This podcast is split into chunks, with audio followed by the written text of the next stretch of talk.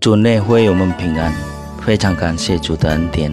我们今天能再度参与读经运动反思。读经运动反思之前，请阅读本日读经运动的经文和请阅读本日读经运动的短诗。主内弟兄姐妹们平安，欢迎大家参与我们的读经运动反思。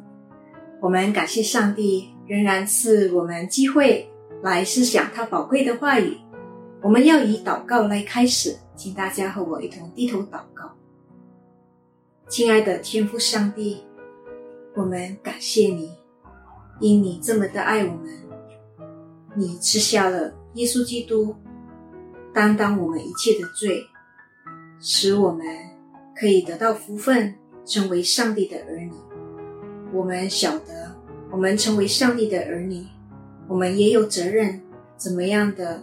不断的与你同行，恳求圣灵帮助我们，一天比一天的更效法耶稣基督。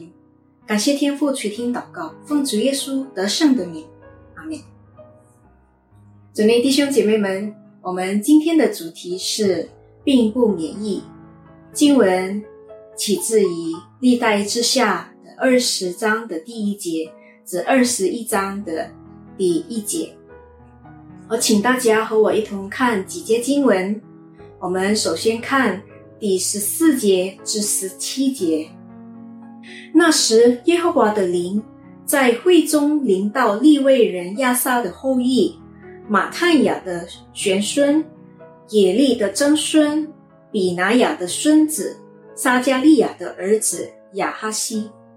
他说：“犹大众人，耶路撒冷的居民。”和约沙法王，你们请听，耶和华对你们如此说：不要因这大军恐惧惊惶，因为胜败不在乎你们，乃在乎神。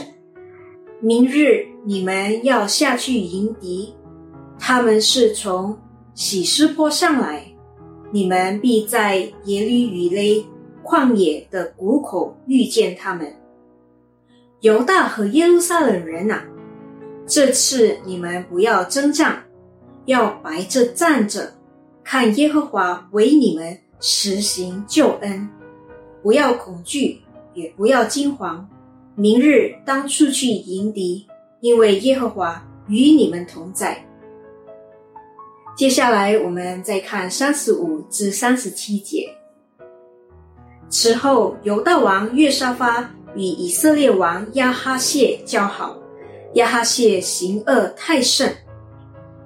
二王合伙造船要往他失去，谁在以孙家别造船。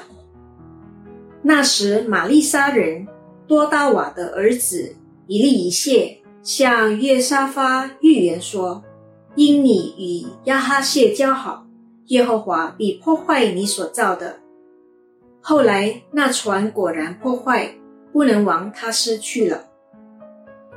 历代之下的十七至二十章记载了上帝在耶沙法身上所做的两件大事。昨天我们已经思想了上帝怎么样恩待的耶沙法王，使他可以脱离敌人的攻击，并且脱离了死亡。从今天的经文，我们又看到上帝特别的恩待约沙法王。当亚门人和摩加人来攻击他们的时候，上帝借着一位利未人亚哈西来兼顾他们的信心，告诉他们不要害怕，不要惊慌，因为耶和华与他们同在，是耶和华来为他们战争，他们都不需要做任何事情，他们只需要站着看耶和华实行拯救。因此，亚门人和摩加人互相的攻击，使约沙法王可以得胜。虽然耶沙法王看起来蒙上帝特别的祝福，但历代之下也记载了耶沙法王两次的失败。耶沙法王曾经被上帝责备，因为他与以色列王亚哈结盟。虽然得到了警告，但耶沙法王在他的晚年，在同样的犯了同样的错误，他又在以。以色列王亚哈歇结盟，造了往他施的船，因此看起来这就是约沙法王的弱点。在面对一些人，他没有一个呃坚定的主见，因此他牺牲了他的信心，为了与一些人交往。那我们每个人也不是一样吗？我们跟耶沙法王也是一样，我们每个人都有弱点，我们也很容易的跌倒，我们也很容易的犯同样的错误。因此，我们应该要非常的谨慎。虽然我们在我们的日常生活不断的感受到上帝的恩典，看到上帝特别的看顾保守。并且不断的领受上帝的祝福，但这不表示我们可以免疫罪恶。我们还是软弱，我们还是很容易的跌倒，很容易的犯呃同样的罪恶。因此，我们非常的需要上帝的怜悯，我们非常需要不断的呃亲近上帝，让上帝的话不断藏在我们的心，帮助我们照耀我们的心，保守我们的心。并且装备我们来面对呃罪的引诱，恳求主帮助我们，让圣灵也呃使我们可以一天比一天的更效法耶稣基督。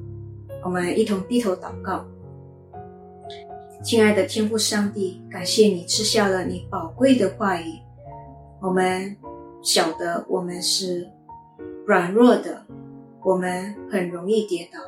就像耶沙法一样，我们很容易的犯同样的错误，因此我们非常的需要你，我们非常的需要你来帮助我们，使我们有能力来遵循你的话，让圣灵逆造我们一天比一天更效法耶稣基督。感谢天父垂听祷告，奉主耶稣得胜的名，阿门。主内弟兄姐妹们，愿上帝赐福你们，再见。